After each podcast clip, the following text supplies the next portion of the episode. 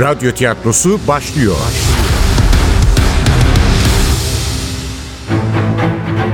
Kayıp Tanrılar Ülkesi 1. Bölüm Eser Ahmet Ümit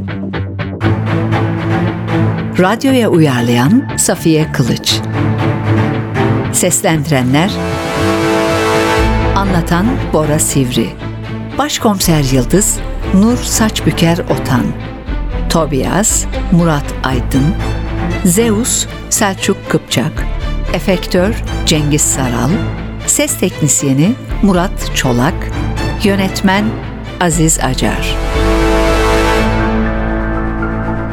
Gördüğü ağır işkencelere rağmen Palmira Antik Kenti'nin en önemli eserlerinin yerini söylemediği için kafası kesilerek öldürülen arkeolog Halit Esad'ın anısına.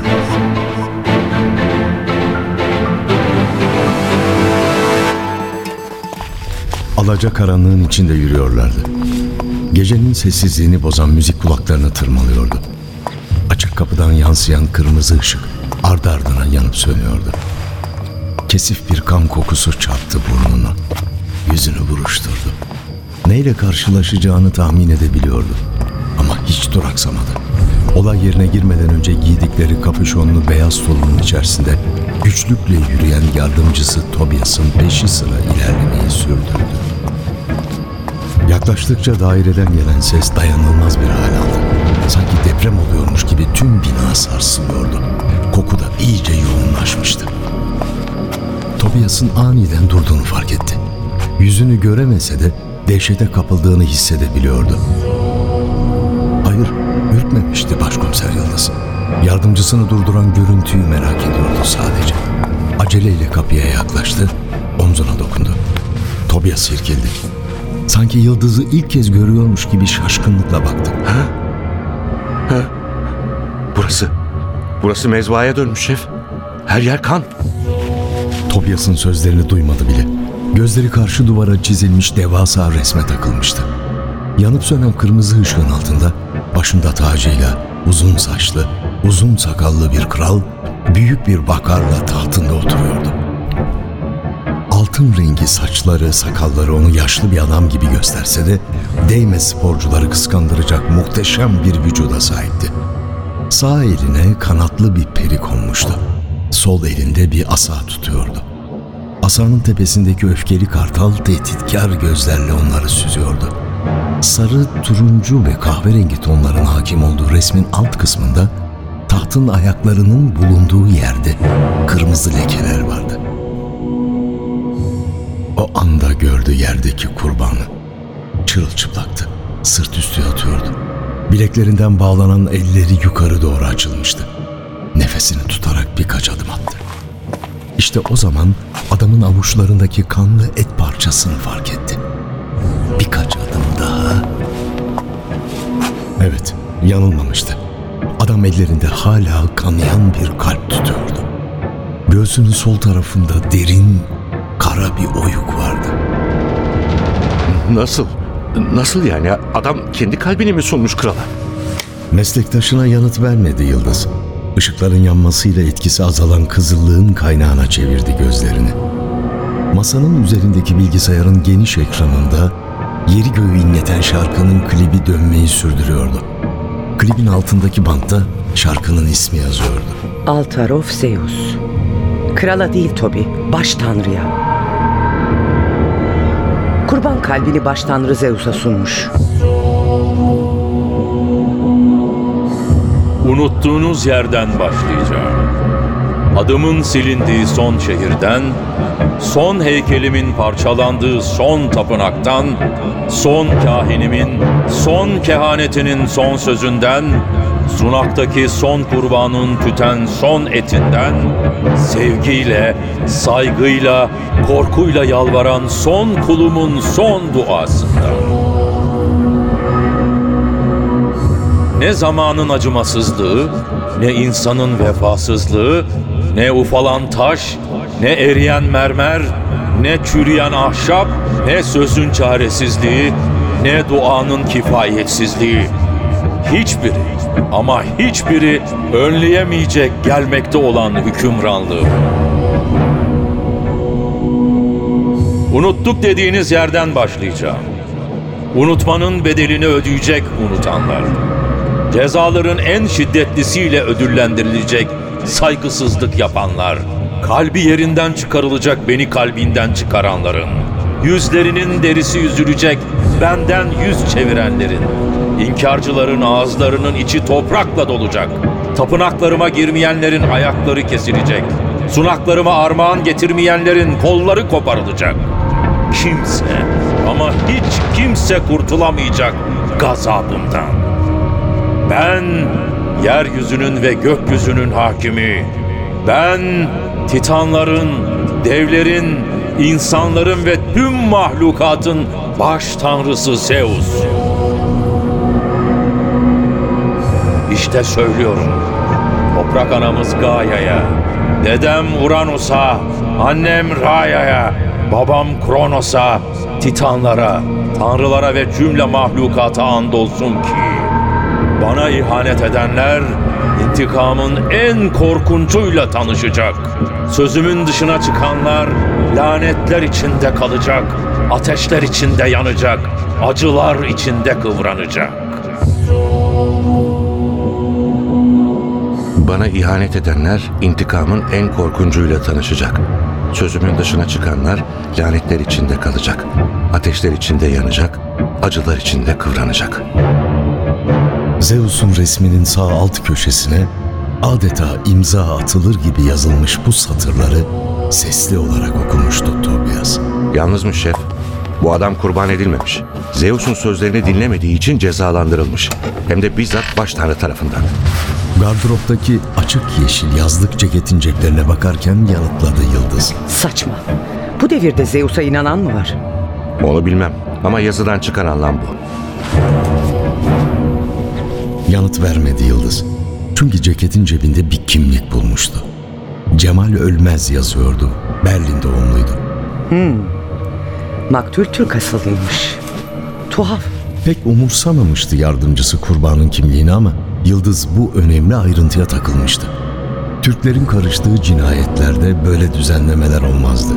Katil ve kurbanın açıkça belli olduğu alacak verecek davaları, kıskançlık olayları, miras meseleleri yüzünden öldürülürdü bu insanlar.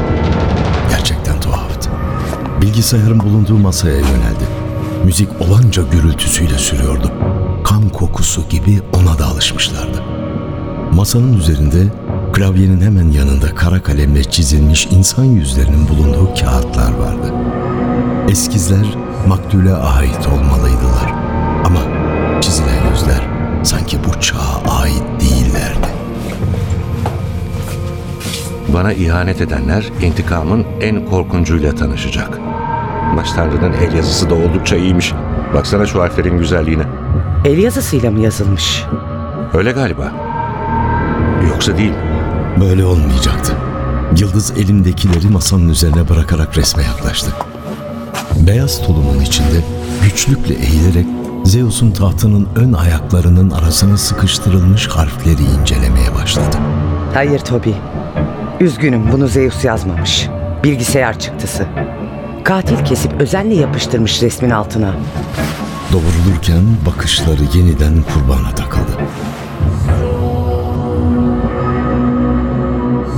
30'larında olmalıydı. Boş bir yüzü vardı.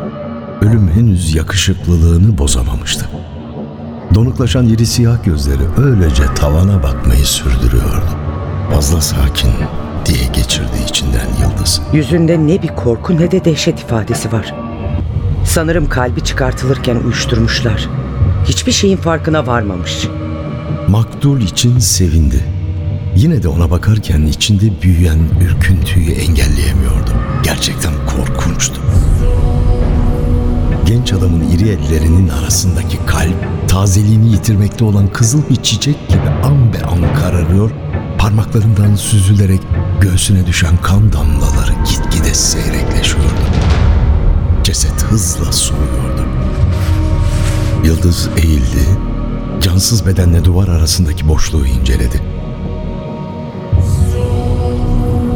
Ucunu ve başucunu kontrol etti.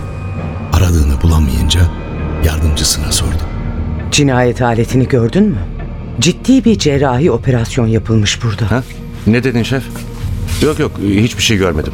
Şimdi o da maktulün parçalanmış göğsüne bakıyordu. Bıçak değil mi? Bıçak ya da bisturi. Daha fazlası da olmalı. Öyle herhangi bir keskin aletle birinin kalbini çıkartamazsın. Kaburgaların açılması gerek. Muhtemelen narkoz vermişler. Ya da çok güçlü bir uyuşturucu. Var mı öyle bir şeyler etrafta? Tobias'ın bakışları da odayı tarıyordu ama ne insanın göğsünü boydan boya açacak bir bıçak, ne ilaç şişeleri ne de serum torbaları görebildi. Bakınırken masanın karşısındaki küçük kitaplık gözüne çarptı. Yaklaştı. Kitapları incelemeye başladı. Hepsi sanatla ilgiliydi. Picasso, Dali, Van Gogh isimlerini okudu. Merhum ressammış galiba şef. Zeus'u da o çizmiş anlaşılan. Sanırım öyle Toby. Resimden hiç anlamam. Ama fena da çizmemiş. Fena çizmemiş mi? Ne diyorsun şef? Çok güzel yapmış. Ben çöp adam bile çizemem. Dalgınca gülümsedi Yıldız. Sonra o da raftaki kitaplara yöneldi. Otto Dix, Rivera, Şegel, Monet, Goge, Cezanne. Bütün önemli ressamlar burada. Evet Toby, Maktul kesinlikle ressammış. Alt raftaki kitaplardan birinin sırtındaki bilgisayar sözcüğü gözüne çarptı. Burada da bilgisayarlarla ilgili kitaplar var. Sanatla alakası olmayan teknik kitaplar hepsi. İlgi alanı epeyce genişmiş kurbanın.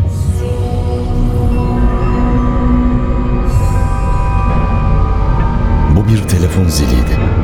Ama Yıldız'ınki de yardımcısınınki de böyle çalmıyordu. Göz göze geldiler, sonra masaya yöneldiler. Masanın üzerinde telefon yoktu. Tobias üstteki çekmeceyi açtı. Evet, işte oradaydı. Bir cep telefonu usulca kıpırdıyordu ıvır zıvırın arasında. Daha fazla beklemedi Tobias. Çekmeceden telefonu aldı. Rafael yazıyordu ekranda. Alo buyurun. Kayıp Tanrılar Ülkesi. Eser Ahmet Ümit. Radyoya uyarlayan Safiye Kılıç. Seslendirenler Anlatan Bora Sivri. Başkomiser Yıldız Nur Saçbüker Otan. Tobias Murat Aydın. Zeus Selçuk Kıpçak. Efektör Cengiz Saral Ses teknisyeni Murat Çolak Yönetmen Aziz Acar